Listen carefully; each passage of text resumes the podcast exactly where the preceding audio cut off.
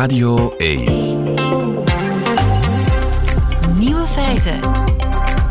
Met Lieven van den Houten. Dag en welkom bij de podcast van 16 februari 2023, de podcast van Nieuwe Feiten. In het nieuws vandaag dat pastoors hun preek niet mogen laten schrijven door ChatGPT. Dat zegt tenminste een Amerikaanse pastoor die ook professor christelijk preken is. Want alleen luie priesters volgens hem gebruiken ChatGPT. Preken geschreven door artificiële intelligentie, die missen een ziel. Hoewel een New Yorkse rabbijn heeft bij wijze van test een preek laten schrijven door artificiële intelligentie. En tot zijn niet geringe verbazing kreeg hij op het einde van zijn preek applaus. Zo kan het ook. Als ik nu eens aan ChatGPT zou vragen: schrijf een preek van een priester in drie zinnen. Dan krijg ik dit antwoord. Geliefde gemeenschap. We zijn hier vandaag bijeen om te vieren en te danken voor de overvloedige genade die ons is gegeven. Moet nog ietsje trager, geloof ik, hè? Laten we ons openstellen voor de liefde van God en ons inzetten voor de opbouw van zijn koninkrijk op aarde. Laten we ons richten op wat echt belangrijk is en ons niet laten afleiden door aardse zaken die ons afhouden van ons doel. Schreef ChatGPT. Niet slecht, toch? De andere nieuwe feiten vandaag. De Russen zouden een coup willen plegen in Moldavië. Rika Ponet lost een dilemma op van een luisteraar. En het gaat goed met het Luxemburgs. De nieuwe feiten van Stella Bergsma die hoort u in haar middagjournaal. Veel plezier. Nieuwe feiten.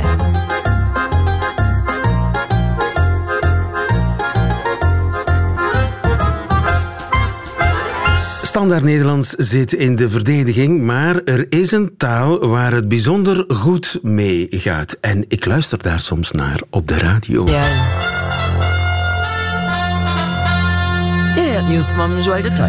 Moien bei Tratten an der Gemeng Wënscher gouf fir kurzem eendeitig Wolf gesinn. Dat deelt DNF Naturer Buschverwaltung an engem Schreiwes vun gestoven mat. Ja, mijn collega vanmorgen op RTL in sprankelend Luxemburgs. Goedemiddag, Christophe Leijen. Goedemiddag. Professor wiskunde aan de Universiteit van Luxemburg. Zelf ook Luxemburger, maar je praat heel goed Nederlands. Ja, inderdaad. Ik, heb, uh, ik was uh, van 2015 tot en met 2021 professor aan de Universiteit Gent. Daarom heb ik Nederlands geleerd. Ik ben trots op je, Christophe. Nu, uh, Luxemburgs, Letzeburgis of zoiets, of hoe zeg je Luxemburgs in het Letzeburgis? We, we, we, we zeggen Lutzeburgers. Lutzeburgis. Uh, Luxemburgis is populairder dan ooit, ook bij de jongeren. Ja, het is wel inderdaad zo dat het. Um dat er meer en meer uh, ideeën opgekomen zijn om Luxemburgs als taal populairder uh, te maken. En uh, dus richtlijnen worden uitgegeven bij de minister, de eerste keer in 2017 en nu opnieuw in 2022. Dat komt door het feit dat er zoveel buitenlanders in Luxemburg zijn. En dus daar, men had het idee, oh, zijn er nog genoeg mensen die de taal spreken? En daarom zijn er nu deze ideeën opgekomen, zodat meer en meer mensen eigenlijk Luxemburgs kunnen leren. Het is eigenlijk voor de buitenlanders die anders ja, Frans of Duits spreken en zich eigenlijk... Ja. Uh, moeilijk kunnen aanpassen aan het Luxemburgs, terwijl dat uh, voor meer dan de helft van de Luxemburgse gezinnen gewoon de voertaal is thuis. Ja, ja nee, dat is, dat is inderdaad zo. Um, zijn, in Luxemburg komen meer en meer buitenlanders naartoe om, om hier te werken. Natuurlijk ook door de Universiteit van Luxemburg en door het feit dat er meer en meer ook op technologie ingezet wordt, naast de, de financiële sector, die al goed be bekend was. En uh, ja, dus da daarom waren de mensen hier bang dat de taal zal verdwijnen op een bepaald moment. En daarom zijn deze ideeën gekomen om de taal uh, nu populairder uh, te maken. En uh, hoe promoot de Luxemburgse overheid dan die taal? Wat is er allemaal voor, om het Luxemburgs te beschermen? Wel, er zijn, er zijn verschillende programma's. Er zijn zo cafés waar mensen kunnen bij, elkaar zitten en dan uh, zo op een gemakkelijke manier aan de taal komen. Dan zijn er natuurlijk ook uh, de taalcentren. En dus, als je wil Luxemburger worden, moet je een, een minimaal kennis hebben van, van, van de taal.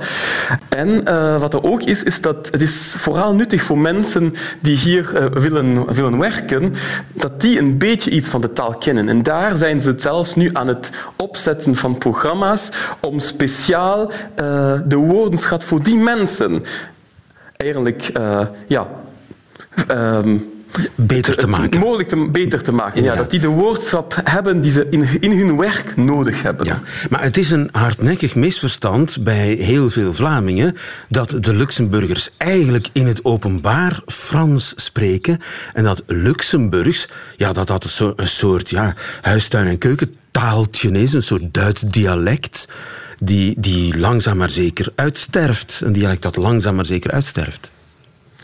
Ja, nee, dat, uh, het was inderdaad... Er was ooit in de, uh, van de UNESCO ooit ook zoiets uitgegeven. Um, maar dat is, dat is zo niet, heel, niet helemaal juist. Het, uh, het Frans wordt inderdaad veel gesproken. Het is de taal van vele officiële documenten. Speciaal ook van... Um, ja, van, van, alles wat over de wet gaat. Maar uh, Luxemburgs wordt, wordt toch nog veel gesproken, ook op, het, ook op het werk. Het is vooral in het zuiden van Luxemburg waar je veel, veel Frans hoort. Dat is inderdaad juist, en ook in restaurants. Maar in het noord is dat niet zo. Daar is veel, wordt veel meer Luxemburg uh, gesproken. Ja. En men probeert ook nu Luxemburgs ook in de officiële documenten meer en meer in te brengen. Ja, ja. En er is ook een Luxemburgse literatuur. Er is een Luxemburgse radio. Er is een Geeft u les in Luxemburgs? Uh, dat niet. Dus hier aan de universiteit geef ik niet les in Luxemburgs, maar uh, als ik bijvoorbeeld Luxemburgse studenten voor een masterthesis heb, met die spreek ik wel, uh, als we, ons, als we on elkaar ontmoeten, met die spreek ik wel in het Luxemburgs. Oh ja, en in welke taal geeft u dan les? Ik geef les in, uh, in het Frans en in het Engels hier. Wauw. Maar dus de meeste Luxemburgers die spreken naast dat Luxemburgs nog een andere taal. Ja, dus je moet sowieso Duits en ook Frans kennen, want dat is wat je in de, op school leert. En op school leer je ook Engels. Dus eigenlijk, de, de, de meesten in Luxemburg spreken zijn, zijn viertalig. De meesten zijn echt viertalig? Dat is het idee. Alle die, dus dat was vroeger niet zo, dat was het drie talen. Uh, maar nu is het Engels veel sterker ook op school opgekomen. En daarom, ja, de meesten hebben, hebben eigenlijk de, de optie om echt de vier talen te, te leren ja. en kunnen die dan ook spreken. En dus als je naar de lagere school gaat, dan is dat Eh, moet je dan kiezen, Luxemburgs of Frans? Of, uh, of is dat, nee. hoe zit dat? Nee, nee. nee, nee. Het, uh, het, het, normaal gezien is het zo dat je eerst het Duits leert. Dus als je in de, op school in, aankomt, dan wordt Luxemburgs gesproken. Maar je eerst, de eerste taal die je leert is het Duits. En dan wat later komt het Frans. Dus ja, ja. het Duits met zeven, Frans met negen jaar. Uh, maar de voertaal, ik bedoel de ja. voertaal, de, de, de juf in de klas die spreekt tegen haar kinderen, tegen haar leerlingen leerlingen Luxemburgs. Ja. Dat is, dat is Luxemburgs, ja. Oh ja. Op, op sommige scholen, dus de Europese scholen, de internationale scholen, daar is het Frans of zelfs Engels. Dus dat is redelijk. Maar dat zijn maar in deze, in, deze, in deze scholen. In de meeste andere scholen is het Luxemburgs. Ja. En uh, de, de overheid is vast van plan om dat Luxemburgs te beschermen tegen de invloed ja. van buitenaf. En ik kan me ook voorstellen dat dat uh, nodig is, hè, want ja, uiteindelijk het aantal Luxemburgs sprekenden, ja, dat is misschien 200.000, 300. 300.000? Ja, eerder bij de 300.000. Ja, maar um, inderdaad, dat is, dat is daarvoor nodig. En omdat... Er zijn ja, veel meer mensen die Frans spreken. En daarom zou men, zou men kunnen denken, ja, maar waarom doen we niet gewoon Frans voor iedereen? Uh, vele Luxemburgers kunnen dat, maar dat is precies wat, we, wat, wat, wat ze niet willen, wat de overheid niet wil. En daarom uh, zijn nu deze acties om het uh, ja, Luxemburgs populairder te maken. En met succes. Ah, wel, op dit moment kunnen we dat natuurlijk nog niet zeggen, omdat de, de, de meeste dingen eh, het laatste jaar gebeurd zijn. Maar de eerste successen zijn al wel sinds de laatste twee jaren duidelijk. En ze, ze willen een evaluatie maken in, uh, in drie jaar vanuit uh, vandaag. Houd voor ons in de gaten in uh, Luxemburg. Christophe Leij, dankjewel voor dit gesprek en nog een fijne dag. Dank je ook. Vraag het aan Rika.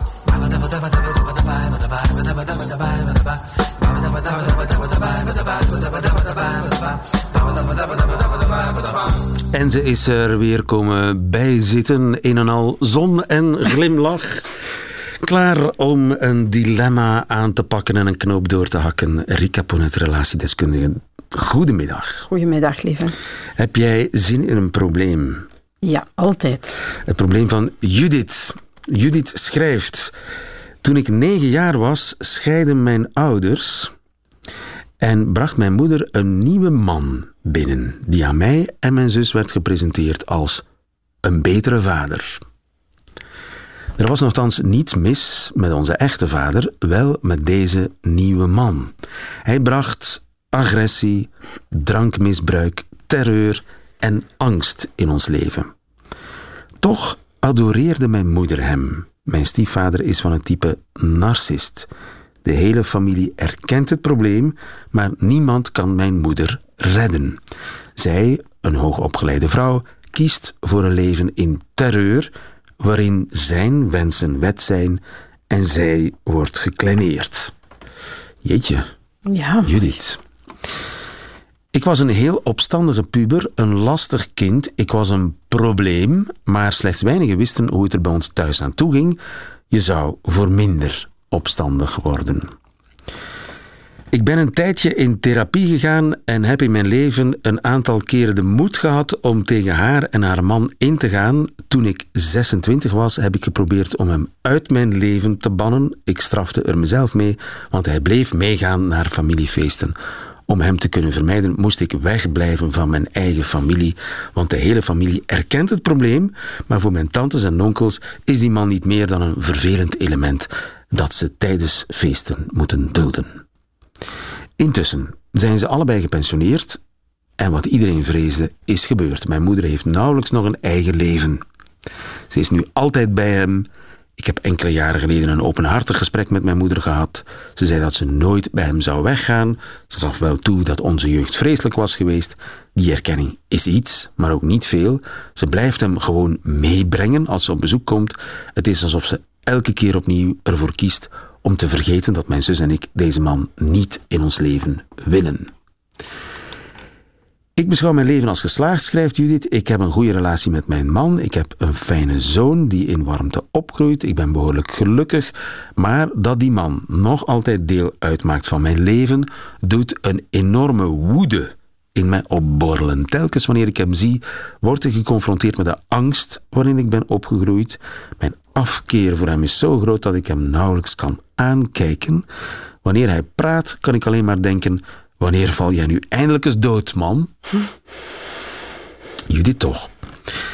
Het is nog steeds dezelfde woede die ik als jong meisje voelde. Ik ben nu 46. Hoe kan ik hiermee omgaan? Mm -hmm. Sterk verhaal. Ja, en een zwaar verhaal. Um, omdat er heel veel onmacht uh, uitspreekt. En tegelijkertijd vind ik, denk ik dat Judith al een lange weg afgelegd heeft. En een, een positieve weg ook. Um, nu, ja, als ik heel goed geluisterd heb, is wat haar vandaag het meest belast de kwaadheid die er nog altijd is. Op de een of andere manier heeft ze Um, ja, ze wil hem uit, zijn, uit haar, uit haar leven. leven. Ja. Maar ja, hij hangt vast aan haar moeder. Ja. Nu, kwaadheid is een reactieve emotie. Hè. Dat is iets wat we afwijzen, wat ons aangedaan wordt of aangedaan geweest is. En dat is iets heel gezonds. Hè. Je brengt naar buiten wat die situatie, dat onrecht met jou heeft gedaan. In dit geval al op zeer jonge leeftijd heeft ze dat gedaan. Ze was de rebel, het moeilijke kind. Op zich is dat een heel veerkrachtige en sterke reflex. Hè. Ze heeft het niet gewoon opge geïnternaliseerd, zoals we dat dan noemen, of niet gewoon aanvaard of zich daaraan aangepast. Maar Waarschijnlijk is dat haar redding geweest. Redding geweest, haar ja. Ze heeft zich, toen. Voilà, dat, is, dat is een zelfbeschermingsreflex. En nadien heeft ze die doorgezet door, uh, van zodra ze volwassen was, uh, blijkbaar te breken uh, met dat gezin. gezin, of met haar moeder en die stiefvader. Maar dan ook vastgesteld, en dat is wat ik wel vaker ook merk in de praktijk, dat breken met eigenlijk wat uw, ja, uw basislevенsader in het leven is, en dat zijn toch uw ouders en zeker uw moeder, dat dat um, ook voor een enorm gemis uh, zorgt. Hè? Want je wordt dan ook afgesneden van de rest van de familie. Dat is wat ze ook zegt. Hè? Ja, je komt dan, um, ja, zij blijven dan op de feesten komen waar jij eigenlijk al niet meer komt, gewoon omdat je die ene figuur niet wil zien. Dus ja, dan, dan doe je het dan toch opnieuw. Um, maar blijkt het op vandaag inderdaad dat die, ja, dat die woede heel erg op, opspeelt of het haar heel lastig maakt om naar zo'n feest te gaan of in dezelfde kamer te zijn met die persoon. Nu, het is een simpel hè, en misschien een beetje een cliché, maar wat je voedt emotioneel, dat is iets wat je groter maakt en groot blijft. En zolang je eigenlijk in die kwaadheid blijft hangen, um, ja, zal die persoon een enorme rol in je leven spelen. Uh, de weg uh, om daar uh, ja, je vrijer tot te verhouden is niet, ja, hij, zal, hij zal ooit doodvallen, vermoed ik, of doodgaan. Maar daar zou ik niet op wachten. Ik denk, wat zij eigenlijk graag wil realiseren, dat er een vorm van onverschilligheid komt in dat contact. En dan helpt het misschien toch, is vandaag 46, dacht ik, dat je zei, uh, ze heeft zelf een goede relatie. Um, van te kijken naar de echte dimensie van die man. Eigenlijk is dat een intristige figuur. Dat is een, zoals ik dat dan zou omschrijven, een, een hele kleine man die alleen maar vanuit uh, een vorm van uh, tirannie in staat is om een vrouw aan zich te binden en op geen enkele andere manier um, ja, in het leven staat. Dus als je dat op die wijze bekijkt, hè, je hoeft daar geen angst meer voor te hebben, want hij bepaalt jouw leven niet meer. Ja. Eigenlijk is dat... Eigenlijk zeg je, uh, roep de ratio in. Ja, ja. En, en durf daar naar te kijken. Bijna als een wetenschapper. Zo van, ja, ja, dat is... Wat een zielig klein ja. figuur is dat. Hè. Wat een, zoals haar familie dat nu doet. Hè. Een lastige te verwaarlozen factor. En dan wordt dat ook kleiner, minder belangrijk, roept dat ook minder die heel krachtige emotie op. Nu, los daarvan denk ik dat die woede ook over haar moeder gaat. En dat is iets wat ze totaal niet benoemt. En wat een veel complexer en een veel moeilijker Hoe kan het dat is. zij voor die engert kiest? Nog veel erger, lieven. Waarom heeft ze mij in de steek gelaten? Want dat is het eigenlijk. Ze heeft voor een man gekozen die ons leven onmogelijk heeft gemaakt. Dat heeft ze al, al, al herkend. Maar ook, ze heeft mij van kinds af aan, toen ik negen was, massief in de steek gelaten. En tot op vandaag doet ze dat. Hè. Um, nu wat... Maar ja, ze was verliefd. Ja. Kun je dat niet op, de een of andere, op dezelfde manier ra rationeel bekijken? Van ja, uh, ik denk dat Mensen doen zo'n dingen omdat ze ja. blind zijn, verliefd zijn. Het gaat veel verder. Hè. Uh, het feit dat iemand in een dergelijke relatie blijft, hangt heel sterk samen met uh, wat die moeder waarschijnlijk zelf deels heeft meegemaakt. Dus wat ik dan altijd mensen aanraad is, met die moeder is een bepaald gesprek waarschijnlijk, of zijn heel diepgaande gesprekken rond dit thema niet echt mogelijk. Hè. Ze gaat in het verweer of ze zegt van ik ga daar niet bij weg. Er zijn duidelijk nog tantes, ooms die daar rondlopen. Er is nog familie, ze heeft een zus. Um, probeer eigenlijk voor jezelf eens te kijken van wat was de gevoelsrealiteit van mijn moeder? Waar komt mijn moeder vandaan? Wat zijn de boodschappen die zij meegekregen heeft? Wat heeft zij ondergaan? Hoe verklaart dat deels ja, waar zij in zit, waar zij vandaag voor staat?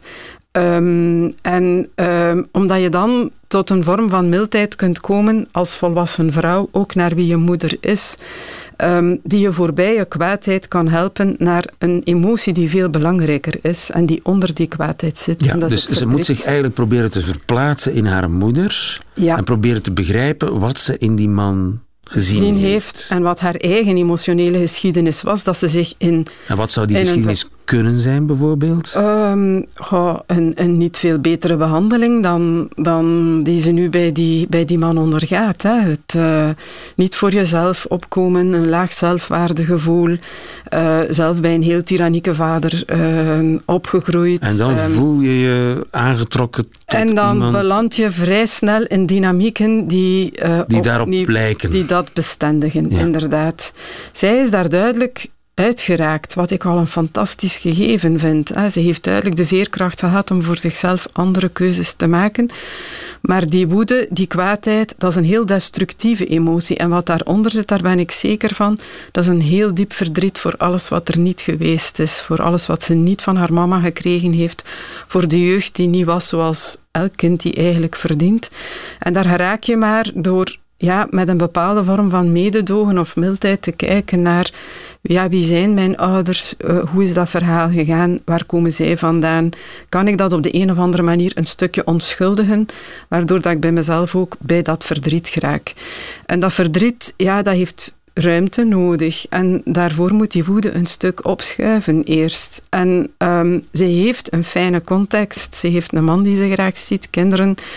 Ik denk dat je daar veel troost en kracht kan putten om met dat verdriet om te gaan en mogelijk met die mama ja. ook alsnog een andere verhouding te krijgen. Kan ze daar alleen uit geraken? Want dit lijkt mij een, een serieuze kleur. Als ik, ik hoor je zeggen, die woede ja. moet eerst een beetje opschuiven, dan moet je de, de, het verdriet ja. laten komen. En eigenlijk de bedoeling is om, om alles wat beter te begrijpen. En... Ja, dat is een zeer stapsgewijs proces. En uh, oké, okay, ik hoor je een beetje afkomen, moet iemand daarvoor niet in therapie. Ja. Ze heeft dat blijkbaar al gedaan. Um, eigenlijk kort samengevat gaat het erover, haar situatie is oké vandaag. Daar kan zij troost en steun vinden voor wat moeilijk loopt. En aan die woede, um, daar kan ze wat aan doen door zelf inderdaad een stukje als volwassen vrouw te mentaliseren. Wie is die stiefpapa en wat voor een onnozele, onbelangrijke, onbenullige figuur is dat, die zich op die manier gedraagt. En door een wat gedifferentieerder, ander beeld te krijgen van wie haar mama is. En dat lukt via gesprekken met familie. Dat, dat kan in therapie, maar dat kan eigenlijk ook zeer helend zijn om die gesprekken te hebben met een tante, een oom, een nicht. Um, ik vind dat verrassend en veel mensen vinden dat verrassend op het moment dat ze dat soort gesprekken durven hebben, wat dat eigenlijk um, aan perspectieven biedt om anders met de situatie om te gaan. Ik hoop dat we Judith goed geholpen hebben. Als er nog mensen zijn met vragen voor Rika, knopen door te hakken door uh, Rika. Ze zijn welkom op nieuwefeiten.radio1.be. Tot volgende keer. Graag.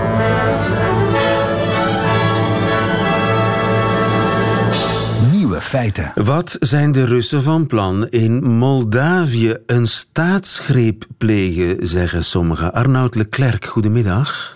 Goedemiddag. Arnoud Leclerc, je bent uh, correspondent Centraal- en Oost-Europa voor de Volkskrant. Moldavië, uh, klein land, niet groter of een beetje groter misschien dan België. Uh, tussen Roemenië en Oekraïne. Voormalige Sovjetrepubliek. Wat is daar de voorbije dagen gebeurd? Laat misschien even met het belangrijkste nieuws uh, beginnen. En dat is inderdaad dat nieuws over de staatsgreep, of de mogelijke staatsgreep die gepland zou zijn door Rusland of zou worden uitgevoerd met Russische steun. Moldavische president Maya Sandu kwam begin deze week met dat, uh, met dat nieuws naar buiten. Uh, dat baseert ze op de Oekraïense inlichtingendiensten die zich vorige week dergelijke plannen te hebben onderschept. En die plannen die zijn behoorlijk uh, concreet als je naar kijkt. Het zou inderdaad gaan om, uh, om massaprotesten, om mensen met een militaire achtergrond die overheidsgebouwen zouden bezetten en dus ook gijzelaars zouden nemen. En dus, dus die massaprotesten die zouden zij orchestreren, ja. de Russen? Ja, dat was het idee. Het is ook lastige. Er zijn ook uh, grote protesten in Moldavië. Die zijn eigenlijk al langer dan een, ja, een half jaar. Misschien nog iets langer zelfs. En die worden ook deels uh, georganiseerd door een uh, pro-Russische politieke beweging in Moldavië, uh, Shor, genaamd naar Ilan Shor, een pro-Russische populist. En die organiseert die protesten. die richten zich vooral op de gestegen kosten van het levensonderhoud, op energieprijzen. En sociaal-economische thema's zijn erg belangrijk in Moldavië. Het is ook een land dat het ja, niet echt breed heeft. Het is een van de armste landen van Europa. Tegelijkertijd is, hebben journalisten ook aangetoond dat een deel van deze demonstranten werd uh, betaald voor hun deelname aan die massaprotesten. Dus dat ligt wat ingewikkeld. Ja, het is moeilijk uit te maken wat er nu eigenlijk gestuurd is vanuit Moskou en wat er nu eigenlijk spontaan vanuit de bevolking opborrelt aan protest. Ja, en er komt dan ook nog eens bij dat, uh, goed, dit nieuws kwam uit, uh, kwam uit Oekraïne en dat is medegedeeld aan de inlichtingendienst van Moldavië. Westerse bondgenoten zoals de Verenigde Staten hebben gezegd ja, deze koeplan ook niet te kunnen bevestigen. Wel hebben ze gezegd dat ze zich ja, ernstig zorgen maken en het Witte Huis uh, de woordvoerder van het Witte Huis, zei vorige week ook ja, dat het wel in de lijn ligt van waartoe Poetin in staat zou zijn. En ja. goed, we hebben natuurlijk afgelopen jaar gezien dat dat uh, vrij ver kan gaan. Ja, en dus de premier Natalia Gavrilita, hoe heet ze, die is uh, eind vorige week uh, opgestapt. En nu is de vraag, is dat die geplande staatsgreep die aan de gang is? Dit is echt eigenlijk net iets anders. Misschien ook goed om die dingen dus ook een beetje uit elkaar te trekken. Ja, mensen in Moldavië die ik hierover heb gesproken, uh, die dicht bij de politieke macht zitten, die zeggen van ja, deze wisseling van de wacht, want dat is wat, wat het is. Er zijn geen nieuwe verkiezingen. Er komt vandaag of uh, op zijn laatste morgen een nieuwe regering. En die bestaat vooral uit ja, mensen van de regeringspartij en ook nog een aantal technocraten. Uh, ja, goed. En die, die mensen in Moldavië met wie ik sprak, die zeggen ja, dit is eigenlijk al in de maak. Omdat dat ja, die Gavrilitse en ook een aantal andere politici die werden erg impopulair. De positie werd steeds minder goed houdbaar. En het idee hierachter is dat, of in ieder geval dat is ook hoe de Moldavische regering, uh, president deert, ja, om eigenlijk de, uh, wat steviger in het zadel te gaan zitten. Juist. Dus net met niet een aantal nieuwe gezichten, frisse wind. Nee, nee, juist niet. In principe de regeringspartij die aan de macht was, een partij van actie Solidariteit is ook de partij waartoe de pro-Europese, pro-Westerse president uh, Maya Sandu behoort. Ja, die blijft gewoon in het zadel zitten. Dus dat is even los van elkaar. Wel zeggen mensen van ja, en misschien wilden ze deze regeringswissel iets later doen en hebben ze het nu naar voren gehaald, uh, juist vanwege die, uh, dat veiligheidsrisico. En grijpt de regering tegelijkertijd die Russische dreiging aan om ook ja, toch een soort, zoals ze in het Engels zeggen, rally around the flag gevoel te creëren van hey jongens, even allemaal bij elkaar. We worden bedreigd. Juist, maar hoe reëel of concreet die bedreiging is van een Russische koe een plan om, om dan een soort van marionet in uh, de hoofdstad van Moldavië, marionet van Moskou daar neer te zetten. We weten eigenlijk niet hoe concreet dat is. Nee, er is veel onduidelijk over. Ja, wat je wel ziet, op dit moment worden de bevoegdheden van de Moldavische inlichtingendienst die worden uitgebreid. Tenminste, dat, moet nog door het parlement, maar dat, dat is het plan. Afgelopen maanden is ook het demonstratierecht is, licht ingeperkt. En de Moldavische overheid is al veel langer bezig met het uh, eigenlijk sluiten van, uh, van pro-Russische televisiezenders, bijvoorbeeld. Uh, dus er zijn ook wel processen gaande om die Russische dreiging toch een beetje een halt toe te roepen, tot zover dat kan. Want iedereen is bang dat Moldavië het, het nieuwe Oekraïne wordt. Ja, dat is sinds de grootschalige Russische invasie van Oekraïne is dat een dreiging die, die heel erg wordt gevoeld in, in Moldavië. Ik was er toevallig vorig jaar in maart om een aantal reportages te maken. En ja, dan ben je in een land dat echt onder hoogspanning leeft. En dat is, dat is nog steeds zo. Dus de oorlog in Oekraïne uh, voelt ontzettend dichtbij. Het is geografisch dichtbij. Er gebeurt ook regelmatig dat er bijvoorbeeld een Russische raket uh, het Moldavische luchtruim uh, schampert of zelfs doorkruist. En ook in de vorm van vele, vele Oekraïnse vluchtelingen die Moldavië als eerste veilige land zagen. Um, en op die manier, ja, die oorlog die voelt op zoveel manieren dichtbij voor Moldaviërs. En tegelijkertijd ja, zitten ze ook op een bepaalde manier in hetzelfde schuitje als Oekraïne is geen lid van de NAVO, uh, nou, ook geen lid van de EU. Dus ze voelen zich ja, kwetsbaar. En dat leidt tot uh, politieke spanningen. Arnoud Leclerc, dankjewel. Goedemiddag. Hartelijk dank. Goedendag.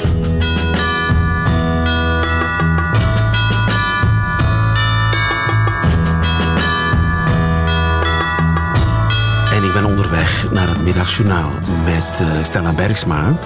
Niet voor ik jullie nog de laatste nieuwe feiten heb geserveerd van deze 16 februari. En één daarvan is dat uh, de Royal Mail, zo blijkt, weet wat onderhandelen is met hackers. In januari werd de Britse postdienst gehackt. De hackers blokkeerden belangrijke online documenten die de dienst nodig had om internationale verzendingen te kunnen doen.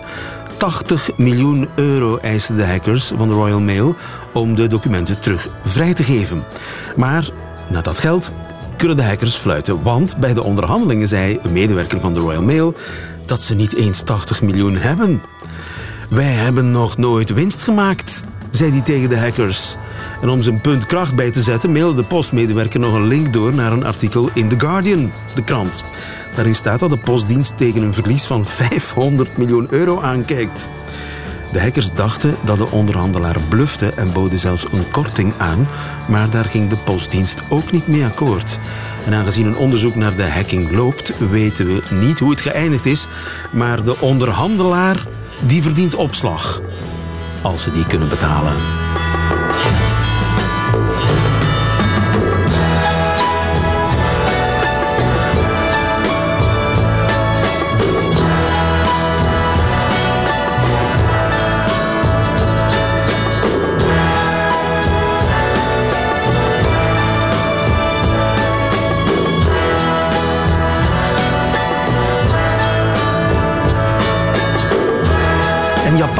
Die heeft uh, nog eens geteld hoeveel eilanden uh, nu eigenlijk Japans zijn. Dat is geen gemakkelijke opgave, want die eilanden die liggen verspreid in een gebied van 370.000 vierkante kilometer. Tot nu toe gingen ze er in Japan vanuit dat er ongeveer 6000 eilanden zijn, maar de wetenschappers die in opdracht van de overheid aan het tellen zijn geslagen, die denken dat dat een grove onderschatting is. In de praktijk zouden er maar liefst dubbel zoveel eilanden zijn. Ze hebben er in totaal 14.125 geteld. Meer dan dubbel zoveel dus dan die 6000 waar eerder van was uitgegaan. Het grote verschil is ook te verklaren, want de vorige keer dat ze hun eilanden telden, gebruikten de Japanners nog papieren kaarten. Intussen kunnen ze gebruik maken van gespecialiseerde software die nauwkeuriger telt. Bovendien komen er regelmatig eilanden bij en verdwijnen andere dan weer als gevolg van vulkanische activiteit uit het zicht. Of dat nu betekent dat de officiële oppervlakte van Japan bijgesteld moet worden of er meer territoriale wateren bij komen, dat is uh, nog niet zeker. En dat maakt wellicht Peking een heel klein beetje nerveus.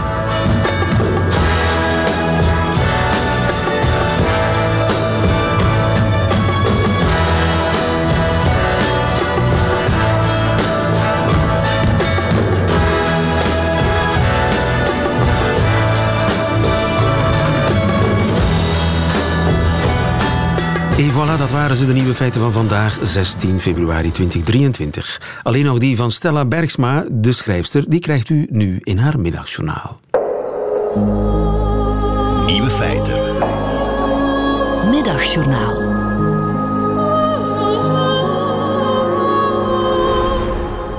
Lieve zuidervriendjes, zoals ik gisteren al zei, ben ik feminist af en nu weer dichter geworden. En ik ga u een gedicht brengen uit mijn toekomstige aanstaande bundel Meesterwerk voor de Prullenbak. Volgens mij komt die uit begin maart. En het heet Mansplainer. Ik heb natuurlijk niet gezegd dat mijn gedichten niet feministisch mochten zijn, hè? Oh. Oh. Oh, leg het me nog één keer uit. Leg het me nog één keer uit, papi.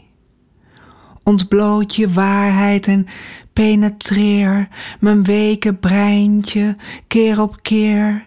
Die naakte wijsheid in me pompen, zodat ik nooit af zou stompen. Oh, mansplainer, je uitleg als penis.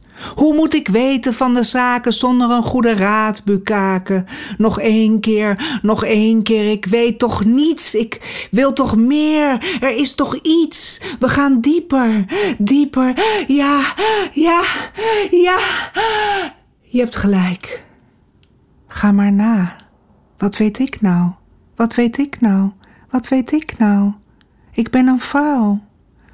Doe het, heer keer op keer de dingen duiden. Luider, luider, stoot je inzicht. Ik ben dom, ram die kennis. Plantje, raadje in me. Plantje, raadje in me. Plantje, raadje in me tot ik kom. Plantje, raadje in me en bemin me. Plantje, raadje in me en bemin me. Plantje, raadje in me en bemin me. Plantje, raadje in me en bemin tot ik kom.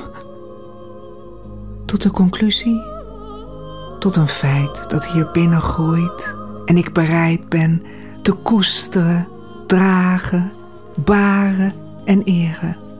zonder ooit te aborteren. Zoveel kennis, groots en bloot, ik zal ervoor zorgen tot mijn dood. Kijk naar mijn raadvragende ogen, ik zal het voeden, ik zal het zogen, terwijl jij blijft weten. Beter en beter, zelfs beter dan Gods schatje, weet me kapot.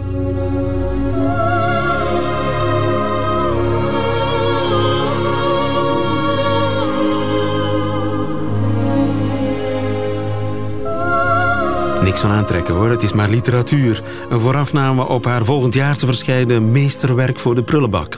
Stella Bergsma in het Middagjournaal. Waarvoor dank. Einde van deze podcast hoort u liever de volledige nieuwe feiten. Met de muziek erbij, dat kan natuurlijk live elke werkdag tussen 12 en 1 op Radio 1. Of on demand via de Radio 1 app of website. Tot een volgende keer.